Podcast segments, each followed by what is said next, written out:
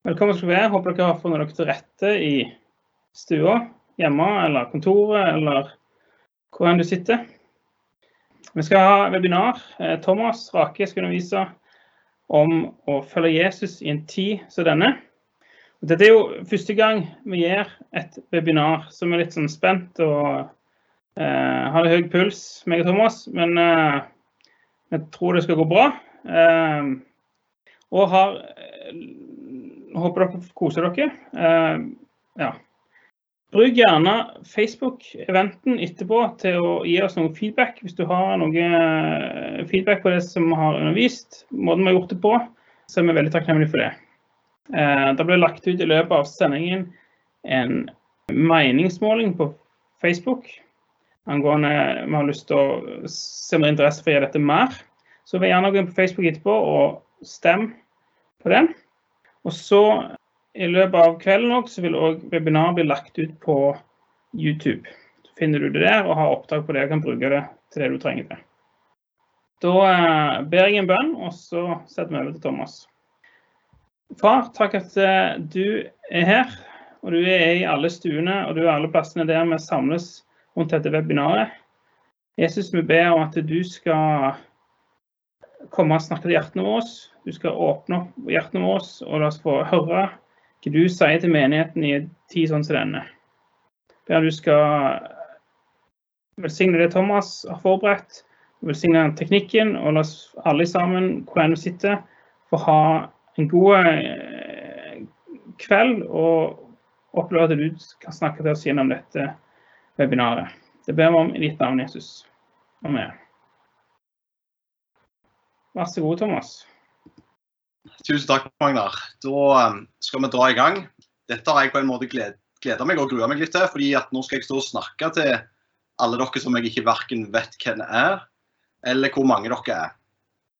Eh, men jeg, jeg, har en sånn innstilling som at jeg, jeg skal gi jernet og tenke at det er tusenvis. Eh, og så får vi se. Eh, jeg har en god del ting på hjertet, og som jeg har lyst til å dele. Fordi jeg, jeg tenker at akkurat nå så trenger vi litt fokus. Og det er viktig. Så Nå blir det sånn at eh, jeg snakker. Det, jeg tenker at dette er et seminar. Og Vanligvis i et seminar så er det jo litt sånn interaksjon og det lever litt. Ikke så lett akkurat nå. Veldig fint sånn som Magna sa, at eh, hvis dere gir oss feedback, så er det bra om dere gjør det på Facebook-eventen i etterkant. Vanligvis etter et seminar eller når jeg har undervist eller forkynt, så går jeg og snakker jeg jo kanskje litt med folk. Det går ikke nå. Så bare for noen, min egen sånn, eh, velvære etterpå, da, så er det fint å høre hvordan dere syns dette var. Hva som møtte dere osv. Det hadde vært nydelig. Da skal jeg bare be litt, og så skal vi dive inn i straffet. Eh, Jesus, tusen takk for, for, din godhet mot oss. Går det faktisk an å si òg i denne tida. Du har gitt oss liv. Du har skapt oss, Herre, og du er hos oss òg nå. Så ber jeg for oss alle sammen at du, du gir oss det vi trenger for å følge deg i denne tida. Livet er plutselig snudd opp ned, Jesus, og vi trenger veiledning fra deg i mange slags konkrete, praktiske småting. Vi trenger nåde for mer tålmodighet. Vi trenger hjelp når vi er frustrerte og leie. Gud, vi, vi, ber om at du skal gi oss alt som vi trenger. Og så ber jeg Gud om at du skal sette oss i stand til å leve fullt ut som disipler av deg av denne tida. At ting ikke settes på vent, selv om samfunnet vårt er satt litt på vent. At vi kan følge deg og ta alle de mulighetene som du legger for oss av nå. Så ber jeg for hjertene våre at du åpner, sånn at vi kan ta imot det som du vil si. Og nå skal jeg dele mange ting, Jesus, så ber jeg om at du hjelper oss å sortere, sånn at det er det som du sier til oss som blir liggende igjen, og det andre, det, det lar vi bare være. Hellige Ånd, vi inviterer deg om å gi oss kraft. Uten din kraft så kan vi ikke gjøre noen ting. Takk for at du er hos hver enkelt av oss der som vi sitter her og, og ser nå. Amen. Når eh, regjeringa satte inn disse drastiske tiltakene for litt over to uker siden, så opplevde jeg at Gud ganske tydelig minner meg om disse ordene fra Esters bok fra en tid som denne. Esters bok det er fortellingen om Esters rolle i et land som ikke var hennes heimland. Og Boka gir oss et lite innblikk i livet til jødene på den tida. De var igjen i et land som ikke var deres, etter eksiltida. Og hvis vi leser boka i sin helhet, Esters bok, så er det akkurat som at hele boka er bygd rundt denne lille setningen 'for ei tid som denne'. Og Det er Ester sin onkel, som heter Mordekai, som stiller Ester spørsmålet. Og Det virker nesten litt sånn ironisk. Og Han utfordrer Ester og sier, som vi leser fra Ester kapittel 4, vers 13 og 14. Tru bare ikke at du, som den eneste av jødene, skal berge livet fordi du er i kongens slott. For om du tier i denne tida, vil hjelp og redning komme til jødene fra en annen plass. Mens du og ditt fars hus vil gå til grunne. Og hvem vet om det ikke er for ei tid som denne at du har fått dronningrang. Mordekai har en plan her om å frelse, redde eller forløse denne jødiske minoriteten i Persia. De er i en situasjon der som kommer til å ende med den sikre død for hele folket. Og hvis utviklingen fortsetter sånn som det ser ut til, så vil de dø.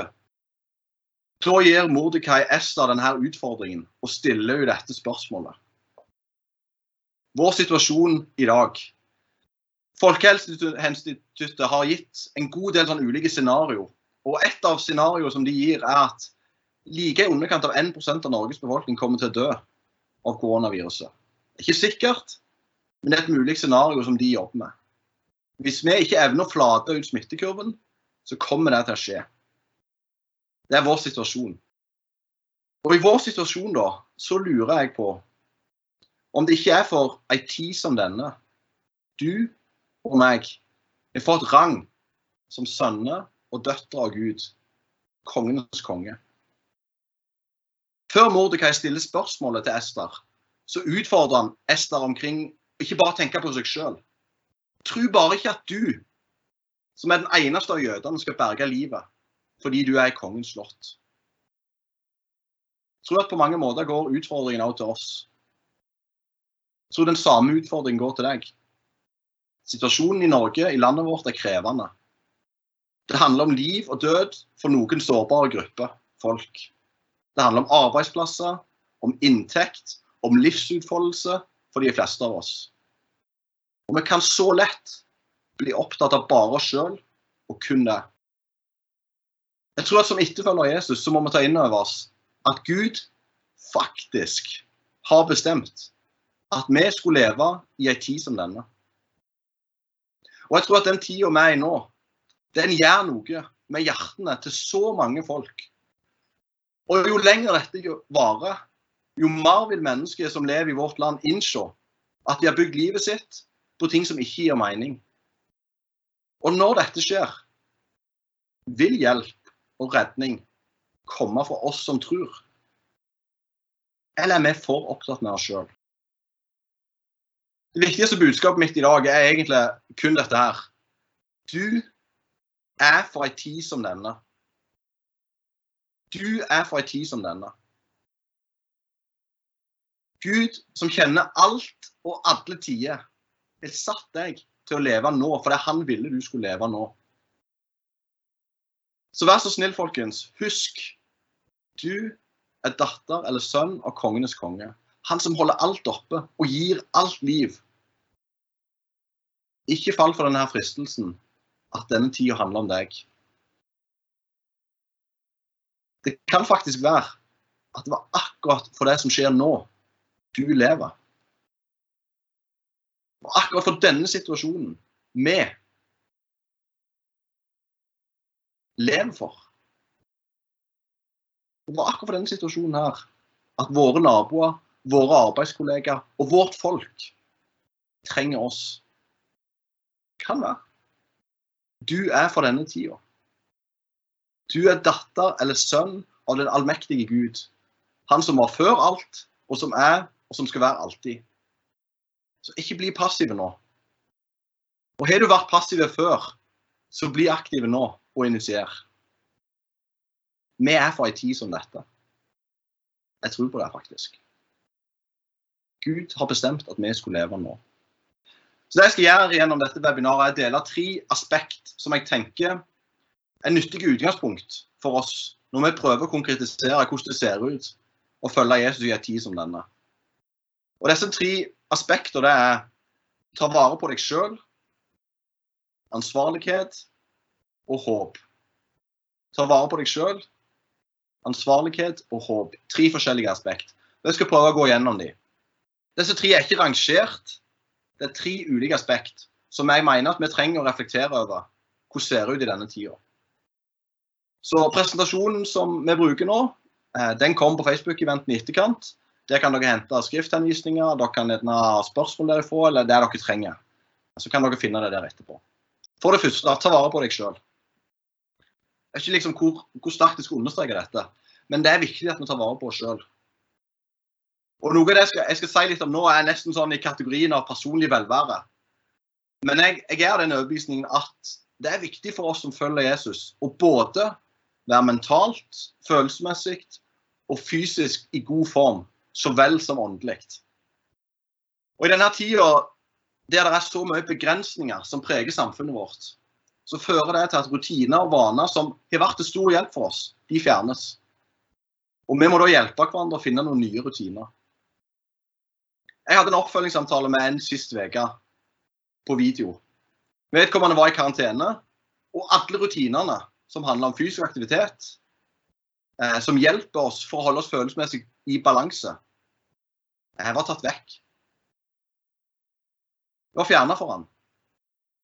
Og det hadde ført til at han bare satt inne hos seg sjøl.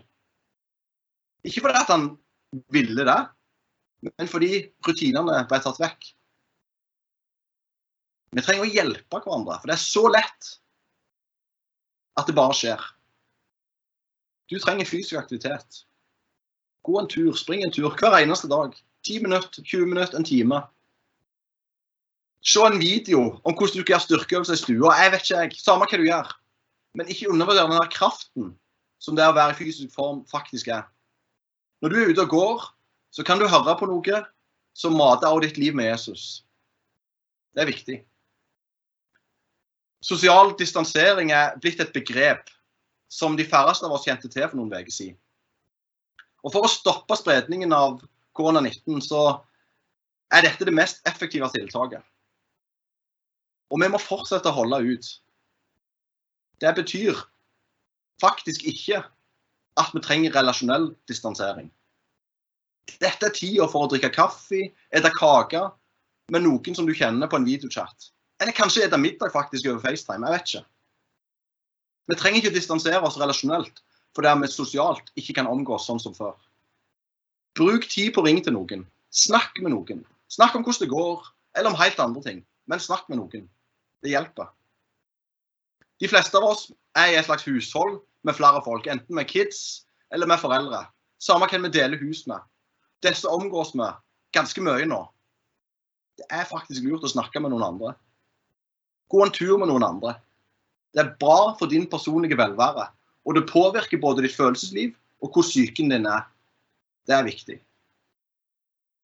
Så en liten sånn observasjon om denne nyhetssituasjonen som er nå. Jeg vil oppfordre deg til å prøve å være sjef over når du oppdaterer deg. Informasjonsmengden og nyhetsproduksjonen er enorme. Og vi kunne brukt hele dagen på å oppdatere oss sjøl. Jeg tenker egentlig at to ganger til dagen er nok. Dette handler om veldig mange andre ting i livet. At vi er lett litt sånn offer av situasjonen. Vi bare gjør. Uten kontroll. Du trenger ikke alt informasjonen hele veien. Du kan bestemme sjøl både hvor tid og hvor mye informasjon du skal ta inn. Og hvor mye plass du skal gi det. Det er absolutt viktig å følge med. Det er viktig å holde seg oppdatert. Men nyhetsflowen er ikke herre over deg. For oss som følger Jesus, er Jesus som er herre. Og han myndiggjør oss faktisk til å gjøre valg og prioriteringer sjøl. Så hjelp hverandre til å leve sunt i forhold til dette. Hvor mye skal vi ta inn? Hvor tid skal vi ta inn? Hvor tid er det nok? Noen av oss har kanskje hørt det sagt at en god latter forlenger livet. Jeg tror det kunne stått i Bibelen. Og Hvis jeg ikke hadde sjekket nøye, så hadde jeg nesten trodd at jeg gjorde det. Men det står noe som ligner i Nehemia 8 vers 10. Vær ikke bedrøva, for gleden i Herren er deres styrke. Styrke er noe vi ønsker oss av nå. Når vi kanskje kan føle at det er usikkert, og vi er utrygge, så er styrke noe vi trenger. Sant? Glede det er ikke noe som bare kommer av seg sjøl, sånn, litt sånn mystisk. Glede er først og fremst et resultat av noe annet. Men vi kan også velge å glede oss. Hvis vi fyller oss med nedtrykkende informasjon, blir vi nedtrykt. Men når vi fyller oss med positivitet, informasjon som er positive, er sjansen store for at vi blir glade. Og vi kan velge å glede oss. Glede blir en styrke, faktisk. Så dette kan være litt sånn awkward, men jeg, jeg tenker at det er, det er, lov å lære. Og det er ønskelig at vi lærer. Det er det jo alltid, men det er det òg nå. Og det er lurt å lære nå. Akkurat nå der du sitter. Lær litt. For hva skjer med deg når du lærer? Latter det gjør noe med deg. Så skal vi prøve å lære litt. Bare sånn alle vi som er her. Vi lærer litt. For jeg klarer liksom å produsere fram litt latter. Er du klar? Det går an å le, og det er så viktig at vi ler. vi må le, for det gjør noe med oss. Det gjør noe med oss. Gleden i Herren er vår styrke. Det påvirker vår personlige velvære å være glad. Andre perspektiv jeg skal si noe om, er ansvarlighet. Ansvarlighet er et av de ordene som vi i Bedehuskirka har løfta fram for hele denne situasjonen oppsto. Og det er viktig, tenker vi. Vi må være ansvarlige. Først og fremst må vi være ansvarlige i forhold til de anbefalinger og restriksjoner som Folkehelseinstituttet gir oss. Jeg er fullstendig klar over at alle er ikke nødvendigvis enige i at den strategien som Norge har valgt, er den beste. Og til de av oss som ville valgt en annen strategi, så er jeg en sånn viktig ting jeg har lyst til å si. Det handler faktisk ikke om deg.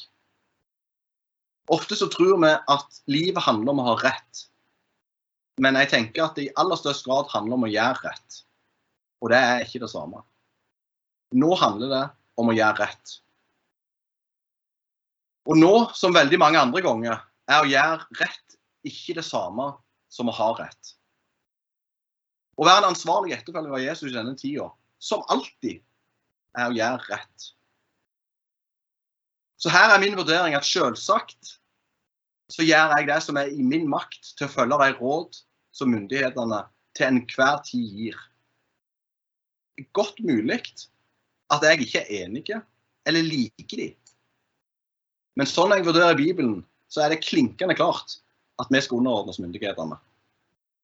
Kanskje du skal lese Romerne 13 på ny og høre hva de sier til deg akkurat nå. Men vi må gjøre rett. Det er å være ansvarlige. Jeg har nå ikke sagt at vi skal underordne oss myndighetene hvis de pålegger oss eller rådgir oss til å gjøre noe som strider med det Guds ord sier. Ikke i det hele tatt. Det jeg nå har sagt, er at styresmaktene er innsatt av Gud. Og vi skal be om at de har visdom til å lede til beste for alle. Det tror vi på. Og det er vi som følger Jesus, lydige mot. For oss som syns styresmaktene er for restriktive eller for ekstreme, kan det være en idé å lese om igjen Romeren 13, som jeg sa, og spørre oss sjøl hva er det underordna seg disse versene her i denne tida? Husk, det handler ikke om deg. Ester fikk denne utfordringen av Mordekai om å være ansvarlige i ei tid som hennes. Og du og meg får også utfordringen om å være ansvarlige i en tid som denne. Mitt liv som etterfølger er på mange måter mitt ansvar. Det er ikke menigheten sitt ansvar. Det er ikke de som har ansvaret for mitt liv. Enkelt så kan vi summere opp dette livet da, som etterfølger i tre relasjoner som vi i Vedhuskirka snakker ofte om. Opp til far, inn i fellesskapet og ut i verden. Og Jeg skal si litt om de tre. Allerede i skapelsesfortellingen så sier Gud og menneskene at det ikke er godt for oss å være alene. Og I Vedhuskirka nå så er det et lite utsagn som styrer våre prioriteringer.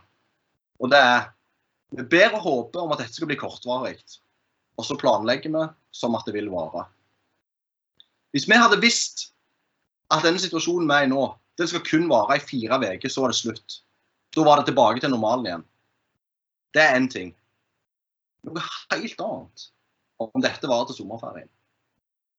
Vi planlegger faktisk som at dette skal vare så lenge. Selvsagt så håper vi og ber om at det ikke skal vare fullt så lenge. Men jeg tenker på mange måter at det er uansvarlig av oss å bare tenke kortsiktige løsninger nå. Statsminister Solberg sa at det, det blir verre før det blir bedre. Men når det snur, det vet vi ikke ennå. Personlig så tenker jeg at krisen egentlig ikke har skjedd ennå. Det er mulig at jeg tar feil, og egentlig så håper jeg at jeg tar feil. Men jeg tror det er allikevel viktig at vi tenker og planlegger som at det ikke har skjedd helt ennå. For vi må forberede oss.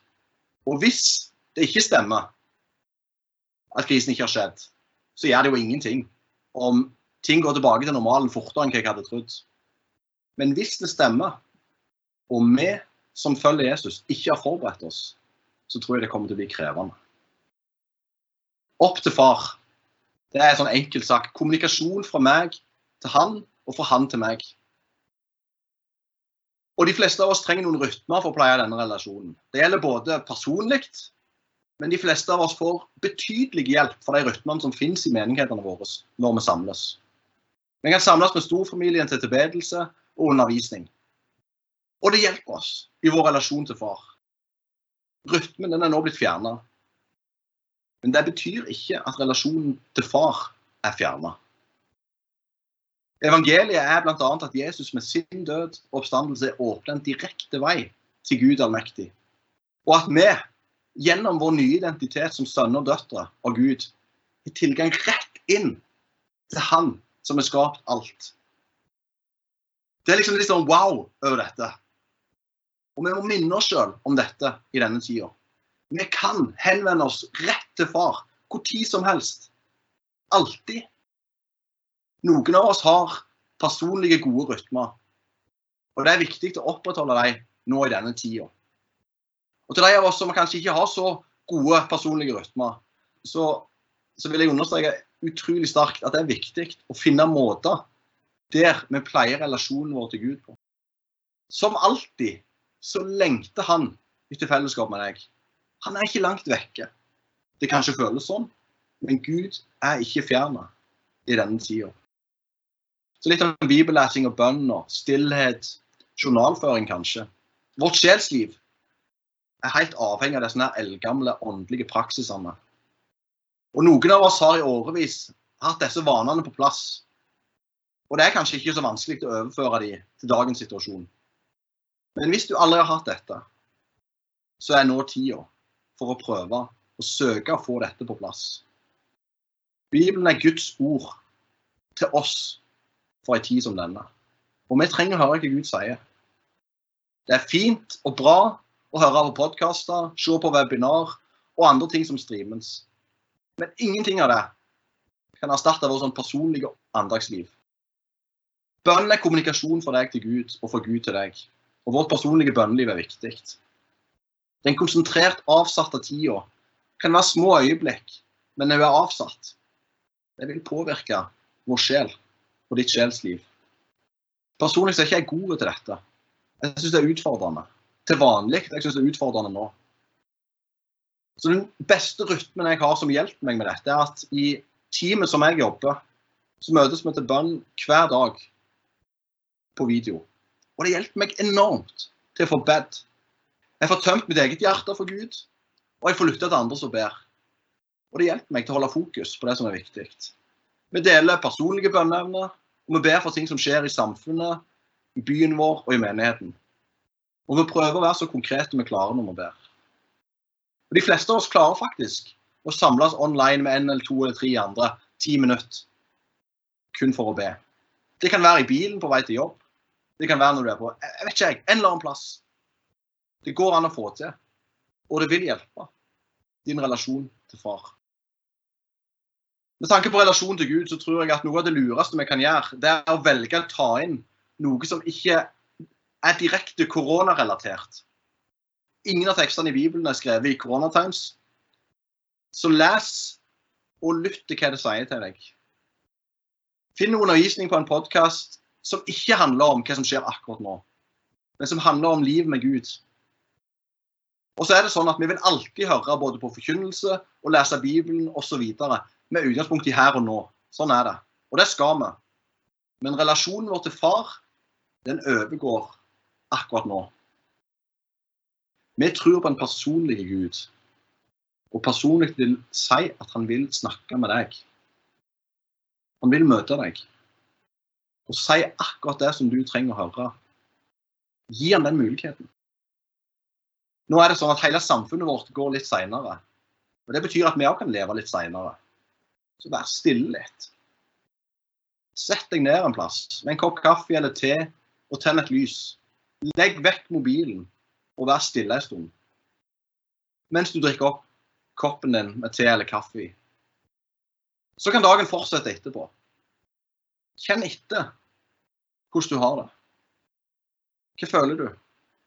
Hva tenker du på? Det er lurt.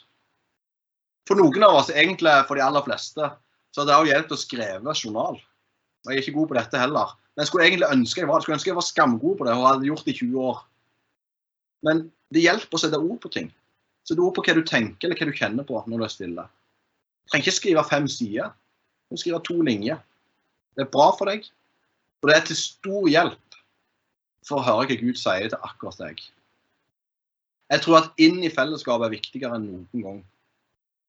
Det er en løgn for fienden at vi ikke trenger det kristne fellesskapet i en tid som denne. Sosial distansering er jo ikke helt i tråd med det å være kirke og ha del i hverandre sine liv. Så vi må tenke kreativt og løsningsorientert. Jeg mener at mer enn noen gang så trenger vi hverandre. Og i utfordrende tider så trenger vi det kristne fellesskapet. Sårt. Vi trenger hverandre nå. Så Huskirka jeg hører til den har møtt på videochat to ganger, og vi skal møtes igjen i morgen. Absolutt alle har opplevd det positivt. Det er utrolig bra å ta del i hverandre sine liv og se hverandre. Det fungerer godt å lese bibeltekstene sammen og dele hva vi opplever bibeltekstene sier til oss. Det er både til hjelp og det er til oppmuntring. Og det er litt sånn befriende. Og Personlig så har det funka mye bedre enn jeg trodde. Det er selvsagt ikke det samme som å sitte rundt et bord, men det fungerer bra. Når vi er sammen online eller på en videochat, så er det et par ting vi gjør. Vi prøver egentlig å gjøre det samme som vi alltid gjør, men det blir ikke helt likt. Husarket vårt har egentlig tre rytmer. En for opp, og en for inn og en for ut. Og i den tida som er nå, så har vi satt det litt på pause. Så når vi samles ukentlig nå, så skjer det fordi vi trenger å være sammen i denne tida. Vi trenger å ta del i hverandre sine liv. Det er fokuset. Og så vet vi at det er fokuset, så prøver vi å skape et fellesskap som er sentrert rundt Jesus og hans nærvær hos hver enkelt av oss. Så en samling hos oss den ser ut sånn som dette her. Eller jeg skal si hva det er. Vi ber for de som lener seg inn.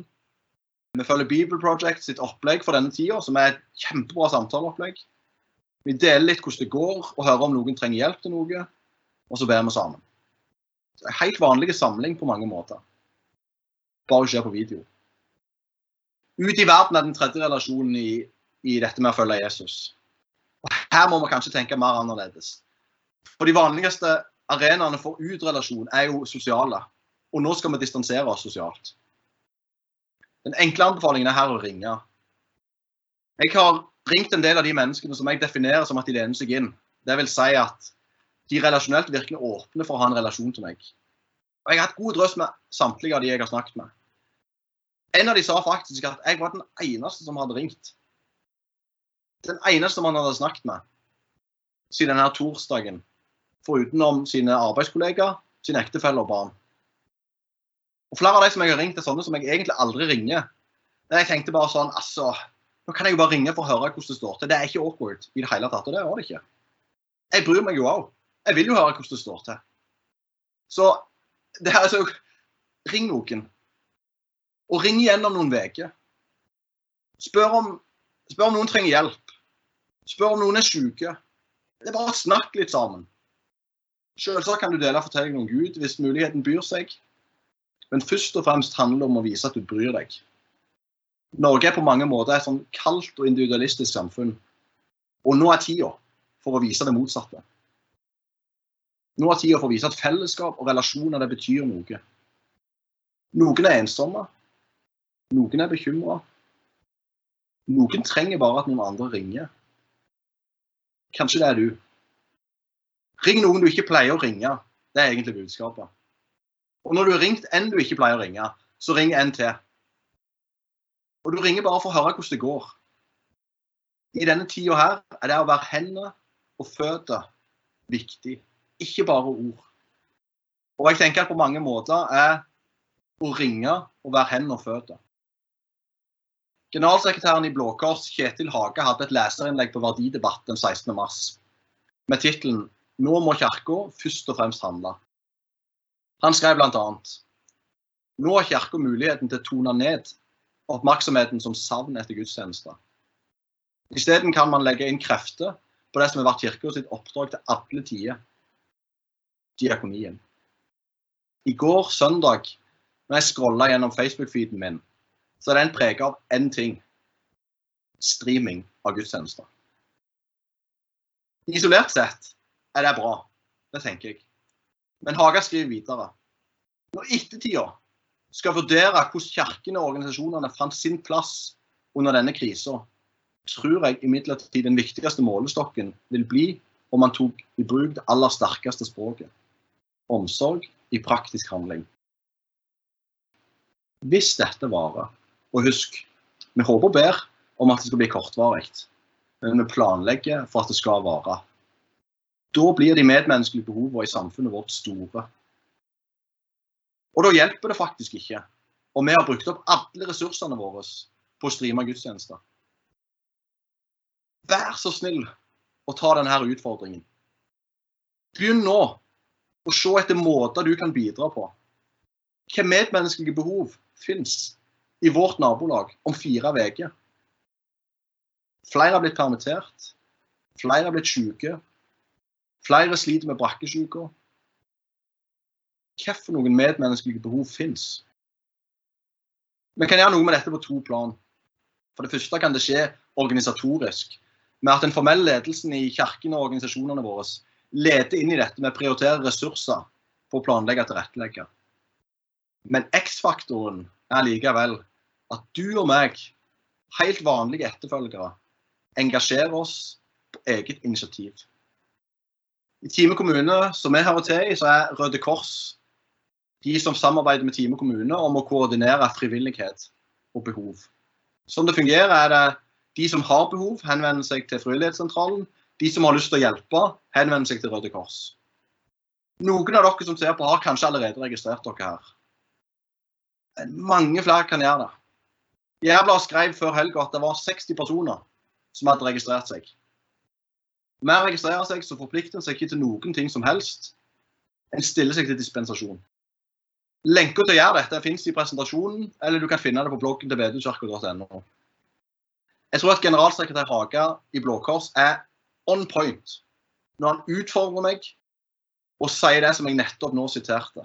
Når ettertida skal vurdere hvordan Kirka fant sin plass under denne krisen, tror jeg den viktigste målestokken vil bli om man tok i bruk de aller sterkeste språket. Omsorg i praktisk handling.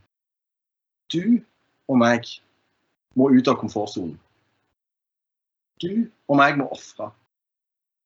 Vi må flytte oss sjøl ut av sentrum for alle bestemmelser og prioriteringer. Så må vi si til Jesus Hva er Jesus? Hva kan jeg gjøre? Hvem Jesus? Hvem er det som trenger omsorg? Og ikke bare stille deg spørsmålet akkurat nå etter dette er ferdig, for da var du litt berørt. Fortsett å stille deg sjøl disse spørsmålene.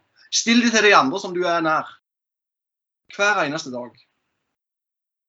Så må jeg bare understreke en viktig ting. Alle kan ikke eller skal ikke ta risiko her. Noen av oss har et sykdomsbilde som gjør at vi ikke kan. Noen av oss har ektefelle eller barn med sykdom som gjør at vi ikke kan. Noen er i en jobb som er samfunnskritisk, og det gjør at vi ikke kan, osv. Det er noen som ikke kan, men det er mange av oss som kan. Og du er kanskje en av de som kan. Jeg skulle ønske jeg kunne rope dette ut. Finn noen du ikke kjenner så godt, og vis omsorg i praktisk handling. Velg å gjøre det. Fra mitt perspektiv da, så kan det virke som om situasjonen nå er muligheten for evangeliet som jeg ikke lengter etter å se. Det har jo virket som at det er stengt for evangeliet i vår tid. Plutselig så kom det en mulighet for evangeliet. Midt i fanget mitt. Den var ikke sånn som jeg hadde forventa eller håpet han skulle se ut, men her er han. Jeg håper vi tar den muligheten, vi som følger Jesus i denne tida. Siste perspektiv jeg skal si noe om, er håp. Vi som følger Jesus, tror på en Gud som i går og i dag er nøyaktig den samme. Vi bekjenner at han er trufast, at han er til å stole på, og at han holder sine løfter. Han har aldri lova oss at livet skal være lett, men han har lova oss at han alltid skal være med oss. Det er forskjell på hvordan vi håndterer situasjonen. Det er forskjell på situasjonene våre. Noen er permittert. Inntaksgrunnlaget er blitt redusert. Noen har underliggende sykdommer som gjør at vi er bekymra, mer enn kanskje andre, for å bli smitta. Og vi er utrolig forskjellige i hvordan vi reagerer i disse situasjonene. Jeg skal lese fra ordspråket 14. Å frykte Herren er et sikkert vern. Der kan også barna søke tilflukt. Å frykte Herren er en kilde til liv. Disse ordene her har jeg som en påminnelse på mobilen min hver eneste dag.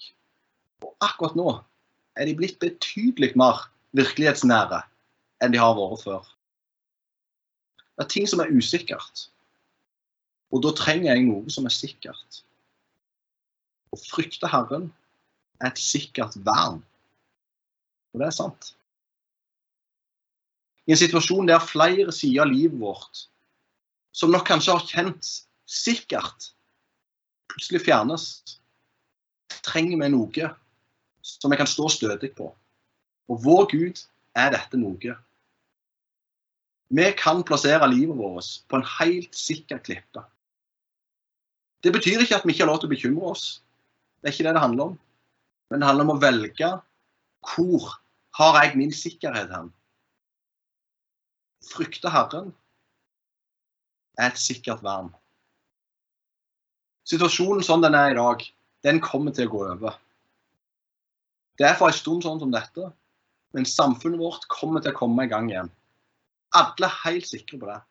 Det som er usikkert, er hvor lang tid det tar.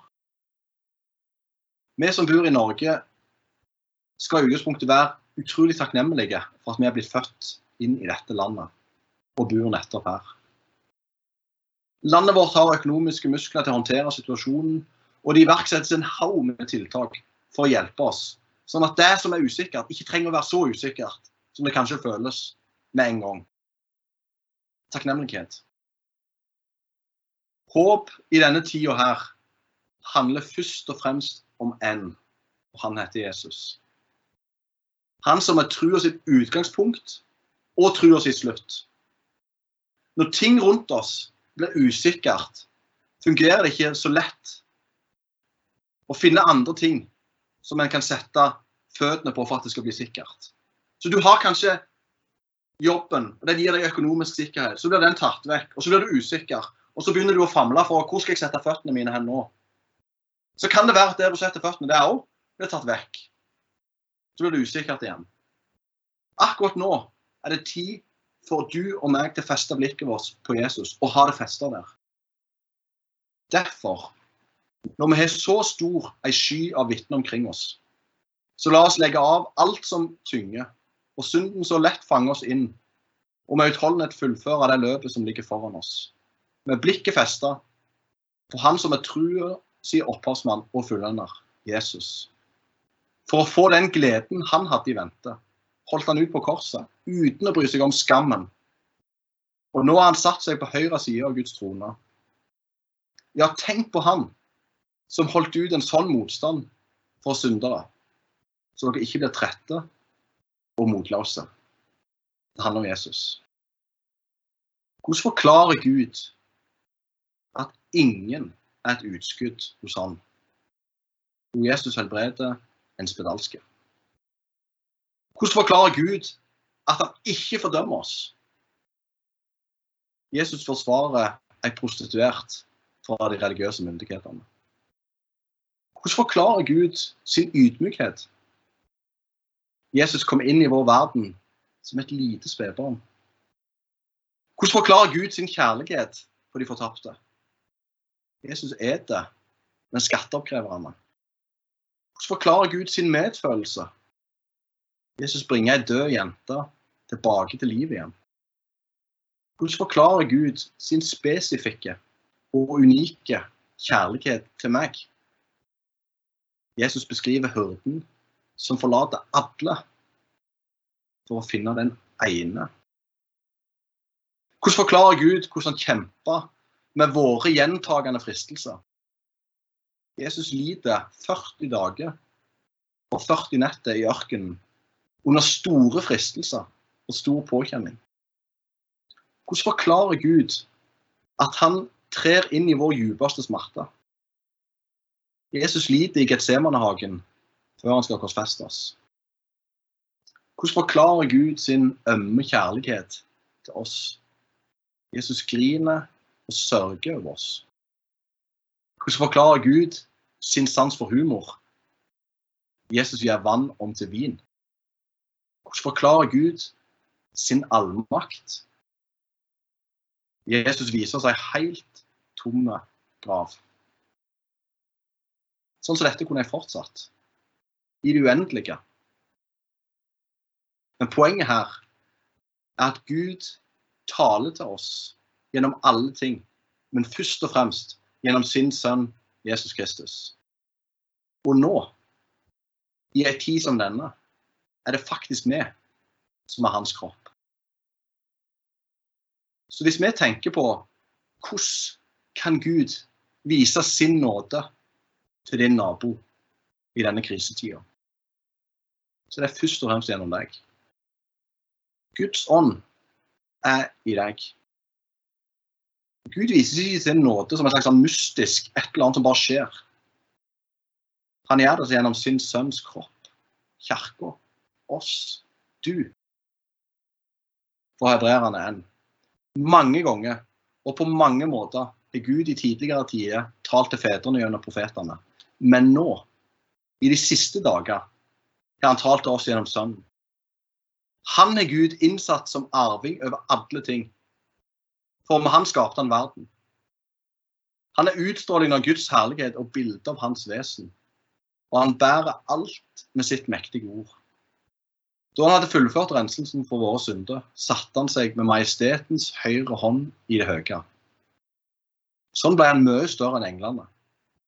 For det navnet han har fått i arv, er så mye større enn deres. Nå i endetida så taler Gud gjennom Jesus. Og vi er hans kropp. Kristus i oss. Håp om herlighet til oss sjøl og til naboene våre. Så må vi være sammen. Jesus, kan du hjelpe oss til å være kirke i en tid som denne? Kan du hjelpe oss å være din kropp til våre omgivelser, til våre naboer, til våre kollegaer, til alle de som trenger deg? Tusen takk, Jesus, for at du ikke er langt vekke. Takk for at du er her. Takk for at du er hos oss. Takk for at du går foran og bak. Så ber jeg om at du gir oss frimodighet og kraft til å holde ut. Takk for din godhet. Amen. Takk for følget. Da skal vi runde av. Det er veldig fint om dere går inn på Facebook-eventen eh, og gir oss feedback hvis det er noe. Tusen takk for følget så langt. Snakkes da, kanskje. Takk for meg.